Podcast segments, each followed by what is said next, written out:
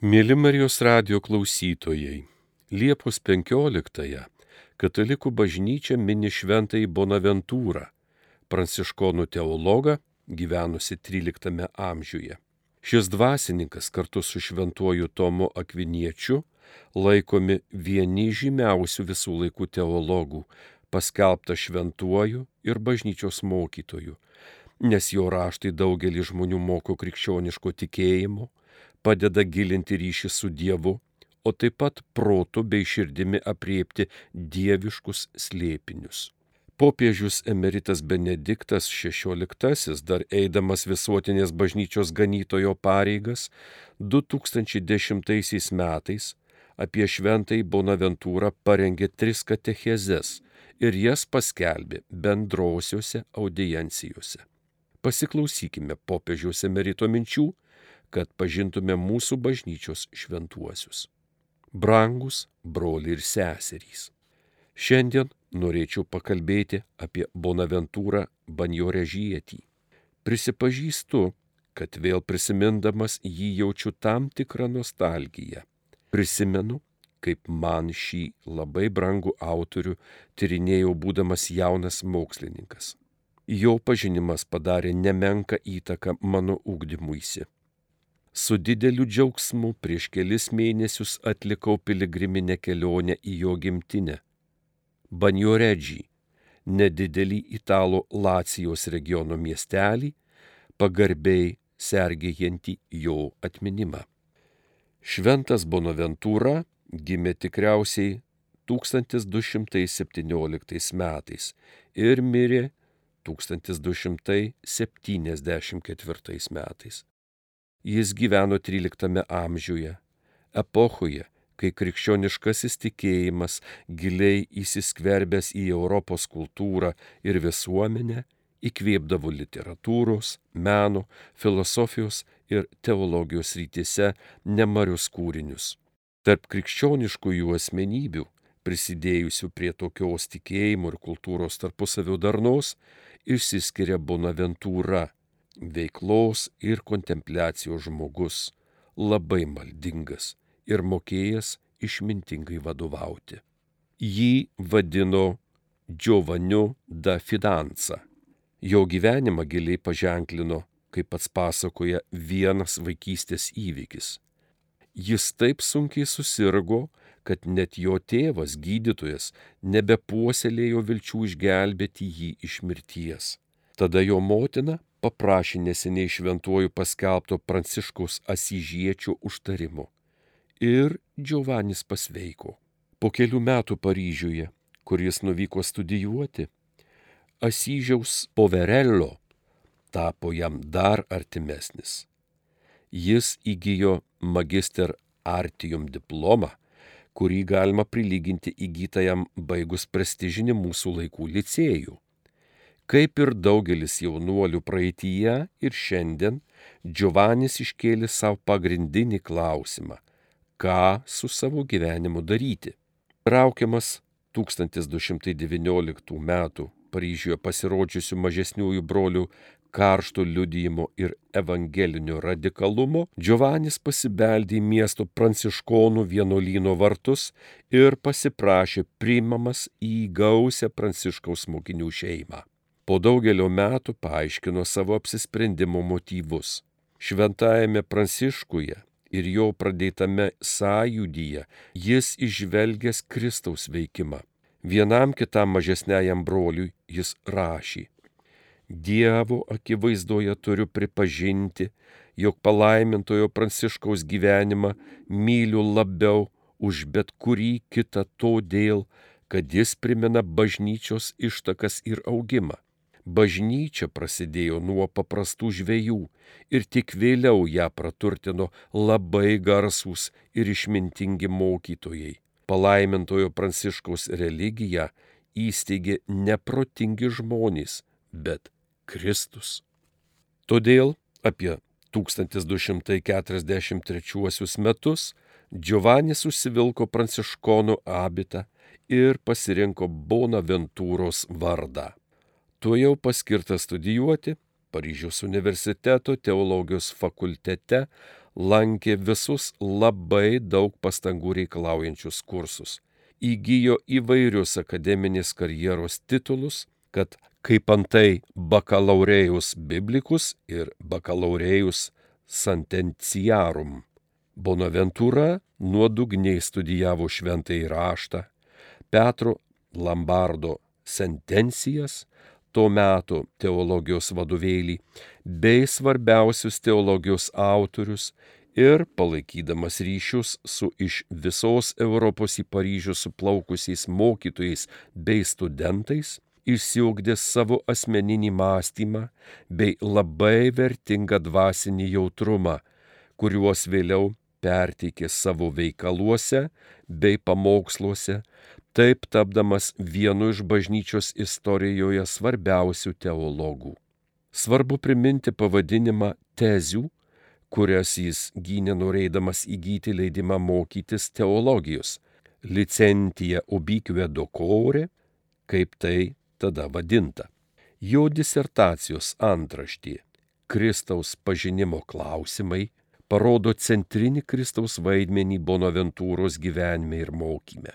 Drąsiai galime sakyti, kad jo visas mąstymas buvo iš pagrindų kristocentriškas.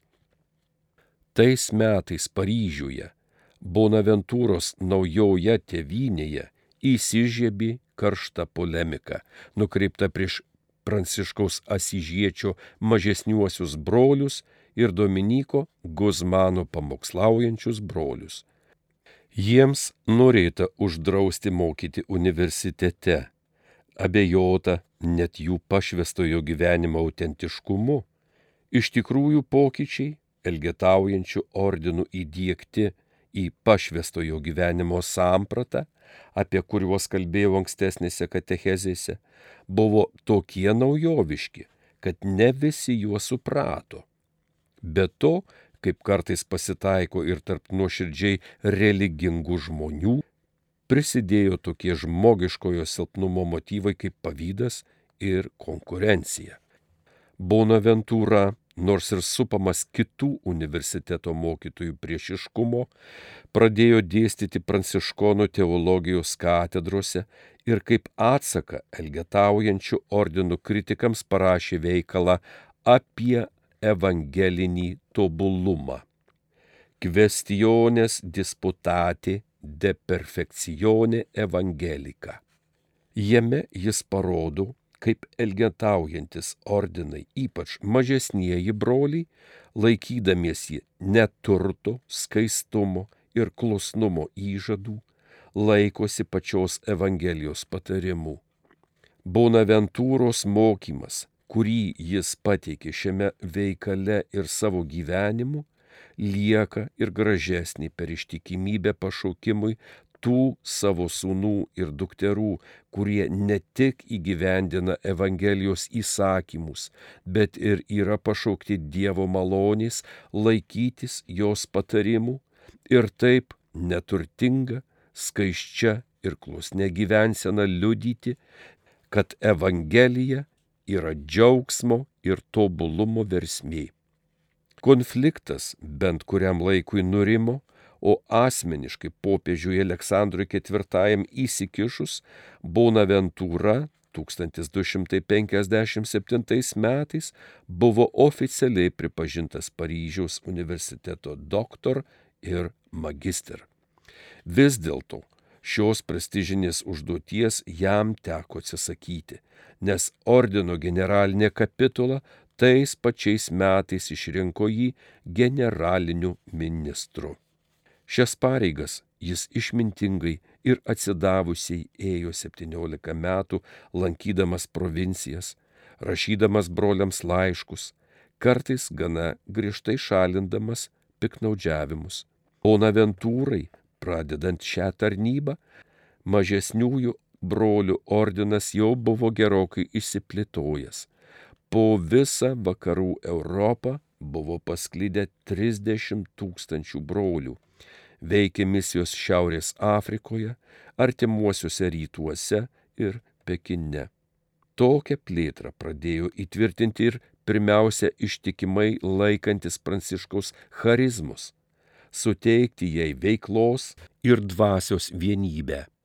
Juk Asyžiaus šventojo sekėjai įvairiai aiškino jo žinę ir tikrai grėsi vidinis susiskaldimas. Norėdama išvengti tokio pavojaus, ordino generalinė kapitula 1260 metais Narbonoje priėmė ir ratifikavo Bonaventūros pasiūlytą tekstą, kuriame buvo surinkti ir suvienodinti nuostatai, reguliuojantis kasdienį mažesniųjų brolių gyvenimą. Tačiau Bonaventūra nujautė, kad šių išminties ir nuosaikumo įkvėptų įstatymų nuostatų nepakanka dvasios ir širdies bendrystį laiduoti. Reikėjo dalytis tais pačiais idealais bei įsitikinimais. Dėl šios priežasties Bonaventūra troško pateikti autentišką pranciškaus charizmą, jo gyvenimą ir mokymą. Todėl jis uoliai rinko su poverelio susijusius dokumentus ir įdėmiai klausydavosi tiesiogiai pranciškų pažinojusiųjų atsiminimų. Taip radosi istoriškai pagrįsta Asyžiaus šventojo biografija Legenda Major, kuri įgavo glaustesnį pavydalą ir buvo pavadinta Legenda Minor. Lotynų kalboje žodis legenda, kaip negu dabartinėje vartosenoje, reiškia ne fantazijos vaisių, bet priešingai autoritetingą tekstą, skaitytiną kaip oficialų. Mažesniųjų brolių generalinė kapitula 1263 metais Pizoje Šventojo Bonaventūros parengtoje biografijoje iš tiesų įžvelgė autentišką steigėjo paveikslą ir ji tapo oficiali šventojo biografija. Kokį šventojo pranciškaus paveikslą pristato jau atsidavusio sūnaus ir sekėjo šventojo Bonaventūro širdis ir plunksna. Esminis momentas štai toks. Pranciškus yra alter Kristus, žmogus, aistringai ieškojas Kristaus, kupinas meilės, verčiančios jį sekti, jis pasidarė į jį visiškai panašus. Šį gyvą idealą Bonaventūra pateikė visiems pranciškaus sekėjams. Šį idealą, galiojantį kiekvienam krikščioniui vakar, šiandien ir visada, kaip programą trečiojo tūkstantmečio bažnyčiai, nurodė ir mano garbingasis pirmtakas Jonas Paulius II apaštališkajame laiške Novo Milenijo Inuente jis rašė, kad tos programos šerdis galiausiai yra pats Kristus. Jį būtina pažinti, mylėti ir juo sekti, norint jame gyventi trejybinį gyvenimą ir su juo keisti istoriją lygi jos užbaigos dangiškąją Jeruzalę. 1273 metais Bonaventūros gyvenime įvyko dar viena permaina. Popiežius Grigalius X panoro išventinti jį vyskupu ir paskirti kardinolu. Jis taip pat paprašė jo parengti itin svarbų bažnytinį įvykį - Lijono antrąjį susirinkimą, turėjusi atkurti lotyniškosios ir graikiškosios bažnyčios vienybę. Bonaventūra rūpestingai atsidėjo šiai užduočiai, tačiau šio visuotinio susirinkimo pabaigos nesulaukė, nes jam vykstant mirė. Anoniminis popiežiaus notaras sukūrė apie Bonaventūrą pagiriamąją kalbą, kurioje galutinai atsiskleidžia šio didingojo šventojo ir iškilaus teologo paveikslas. Geras, malonus, maldingas ir gailestingas žmogus, kupinas darybių, mylimas Dievo ir žmonių. Juk Dievas dovanojo jam tokią malonę, kad visi, kurie jį pamatydavo, būdavo perskelbti jo meilės, kurios širdis negalėjo paslėpti. Primkime paveldą šio šventojo bažnyčios mokytojo, primenančio mums mūsų gyvenimo prasme šiais žodžiais. žemėje galime kontempliuoti begalinę dieviškąją didybę protų ir nuostabą, o dangiškoje tėvynėje į Dievo džiaugsmą įžengsime regėjimu, visi būdami panašus į Dievą ir ekstaze. Taigi turėjote galimybę klausytis apie šventojo Bonaventūros banjoredžiečio gyvenimą ir asmenybę. Dabar metas pristatyti jo literatūrinės kūrybos ir mokymo dalį. Kaip jau sakiau, šventojo Bonaventūros nuopelnas yra tai, kad jis be kitako autentiškai ir ištikimai aiškino šventojo Pranciškaus Asyžiečio asmenybę, kurią gerbi ir kupinas didelės meilės studijavo. Konkrečiai šventojo Bonaventūros laikotarpiu viena iš dvasingiausiais vadinamų mažesniųjų brolių srovių reiškė požiūrį, kad su šventuoju pranciškumi prasidėjo visiškai naujas istorijos tarpsnis ir amžinoji Evangelija, minima apriškime Jonui, atėjo pakeisti naujojo testamento. Ši grupė teigė, jog bažnyčios istorinis vaidmuo baigėsi ir ją pakeitė charizminė laisvų žmonių viduje vedamų dvasios bendruomenį. Tai yra dvasingieji pranciškonai. Šios grupės idėjų pagrindą sudarė 1202 metais mirusio cistersų abato Joakimo Fioriečio raštai. Savo kūriniuose jis kėlė mintį apie trejybinį istorijos ritmą. Senąjį testamentą laikė tėvo amžiumi, paskui kurį ėjo sūnaus laikas, bažnyčios laikas. Reikėjo laukti dar ir trečiojo, dvasios amžiaus. Visa istorija aiškinta kaip pažangos istorija einant nuo Senojo testamento griežtumo prie santykinės sūnaus laiko laisvės bažnyčioje ir galiausiai prie visiškos Dievo vaikų laisvės šventosios dvasios laikotarpiu, pagaliau turėsinčių būti taikos tarp žmonių, tautų ir religijų susitaikymo amžiumi. Joakimas Fiorietis sužadino viltį, kad pradžią naujajam laikui turėtų duoti naujoji vienuolystė. Todėl suprantama, kodėl viena pranciškonų grupė tarėsi šventajame pranciškoje Asižietyje atradusi naujojo laiko steigėją, o jo ordinę naujojo amžiaus bendruomenę, šventosios dvasios bendruomenę už nugaros palikusią hierarchinę bažnyčią, įdant pradžią duotų naujai dvasios bažnyčiai, nebesusijusiai su senosiomis struktūromis.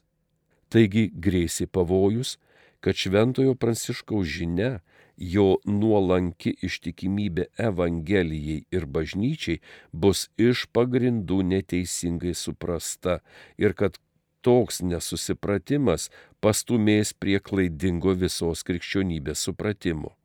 Šventasis Bonaventūra 1257 metais tapęs pranciškonų ordino generaliniu ministru, atsidūrė kaip tik pačiame ordine sukeltos didelės įtampos, tvyrojusios dėl minėtos Joakimui Fioriečiui besiremenčios dvasingųjų pranciškonų srovės akivaizdoje.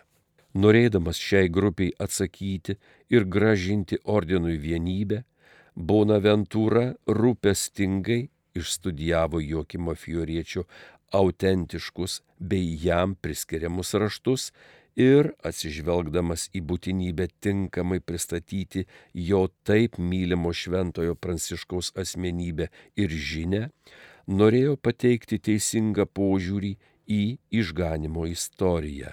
Šventasis Bonaventūra šios problemos ėmėsi savo paskutinėme kūrinyje konferencijų Paryžiaus studijos vienuoliams rinkinyje, kuris liko neužbaigtas ir mus pasiekė per klausytojų užrašus, jame pavadintame Kolekcionės in hegzemerom alergiškai aiškinamos šešios kūrimo dienos. Bažnyčios tėvai septynias dienas pasakojime apie sukūrimą laiko pasaulio žmonijos istorijos pranašyste.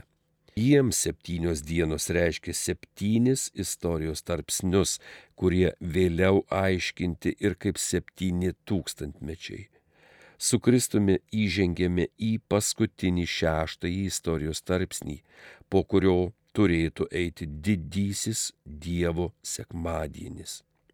Šventasis Bonaventūra tokio ryšio su kūrimo dienomis istorinį aiškinimą suponuoja, tačiau labai laisvu ir naujovišku būdu. Naujai aiškinti istorijos raidą jį verčia du jo metų reiškiniai. Pirma. Šventojo Pranciškaus asmenybė. Žmogus susivienyje su Kristumi iki stigmų bendrystės, tartum alter Kristus ir kartu su šventuoju Pranciškumi nauja jo sukurtoji bendruomenė, besiskirianti nuo iki tol žinotos vienuolystės. Toks reiškinys, kaip tą akimirką pasirodžiusi Dievo naujybė, reikalavo paaiškinimo. Antra. Joakimo Fioriečio pozicija, kuris skelbi naują vienuolystę ir visiškai naują istorijos amžių pranoko naujojo testamento prieškimą ir todėl reikalavo atsakymų. Kaip pranciškonų ordino generalinis ministras Šventasis Bonaventūra iškart suprato, jog remintis Jokimo Fioriečio įkvėpta spiritualistinė samprata, ordinas būtų nevaldomas ir nuosekliai slystų į anarchiją. Iš to išplaukė tokie padariniai. Pirma praktinę būtinybę turėti struktūras ir įsitraukti į hierarchinės bažnyčios, tikrosios bažnyčios tikrovę reikėjo teologiškai pagrysti, nes besilaikiusieji spiritualistinės samprotus rodė tariamą teologinį pagrindą. Neišvengiamai paisant realybės, privalu buvo išlaikyti Šventojo Pranciškaus asmenybės naujybę kaip šventasis Bonaventūra atsakė į praktinį ir teorinį reikalavimą. Šventojo Bonaventūros atsakymą čia galiu pateikti tik keliais bruožais glaustai ir neišsamei. Šventasis Bonaventūra atmeta trejybinio istorinio ritmo idėją. Dievas yra vienas visai istorijai ir nepadalytas į tris dievybės.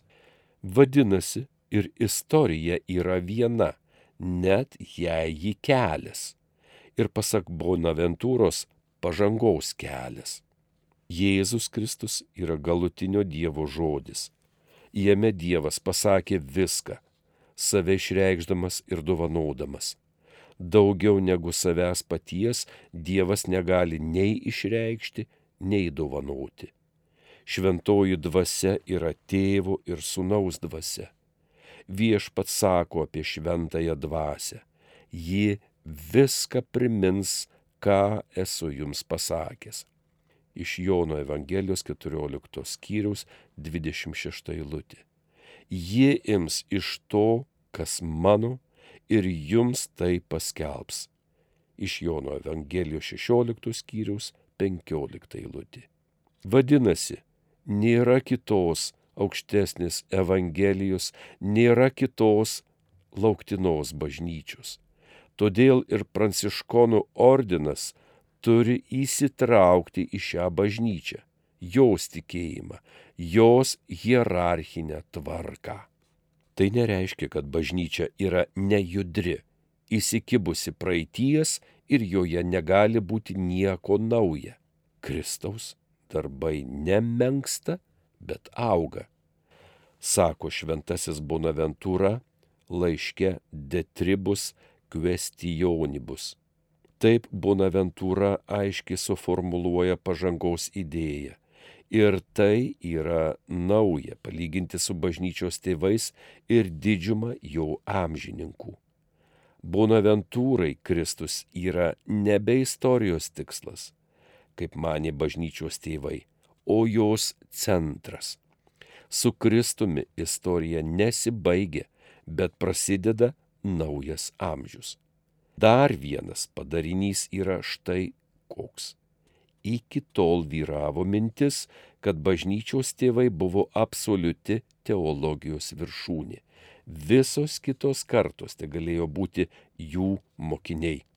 Šventasis Bonaventūra irgi pripažįsta bažnyčios tėvus kaip nuolatinius mokytojus. Tačiau nepaprastas šventojo pranciškaus reiškinys teikia jam tikrumu, kad Kristaus žodžio turtai neišsemiami ir kad naujosiuose kartuose taip pat gali pasirodyti naujų šviesulių. Kristaus nepakartojamumas visais laikais sykių laiduoja naujybę ir atsinaujinimą. Pranciškonų ordinas nebejotinai priklauso Jėzaus Kristaus bažnyčiai, apaštališkai bažnyčiai ir negali būti statydinamas remiantis utopiniu spiritualizmu. Tačiau sykių galioja ir to ordino naujybė klasikinės vienuolystės atžvilgių. Ir tą naujybę šventasis Bonaventūra, kaip minėjau praėjusioje katechezijoje, gynė nuo Paryžiaus pasaulietinės dvasininkijos užpuldinėjimų pranciškonai neturi stabilaus vienuolyno. Jie gali būti pasklydę visur, kad skelbtų Evangeliją. Kaip tik vienuolystį būdingo stabilumo atsisakymas naujo lankstumo naudai sugražino bažnyčiai misijinę dinamiką. Čia galbūt naudinga pasakyti, jog ir šiandien yra požiūrių, kad bažnyčios istorija antrajame tūkstantmetyje te buvo nuolatinis nuosmukis. Kai kas net mano, jog ji nykti pradėjo tuoj po naujojo testamento laikų. Tačiau iš tikrųjų opera Christi non deficijunt, bet proficijunt. Kristaus darbai nemenksta, bet auga. Kas būtų bažnyčia be cistersų? Pranciškonų ir domininkonų dvasingumo, be šventosios Teresės Avilietės ir šventojo kryžiaus Jono ir taip toliau dvasingumo. Ir šiandien galioja ištarta opera Christi non deficijunt, set proficijunt. Šventasis Bonaventūra moko mus būtino ir griežto blaivaus realizmo ir atvirumo naujoms Kristaus savo bažnyčiai šventojojo dvasioje dovanoja mums charizmums. Kaip mintis apie nuosmukį, lygiai taip kartojasi ir kita spiritualistinio utopizmo idėja.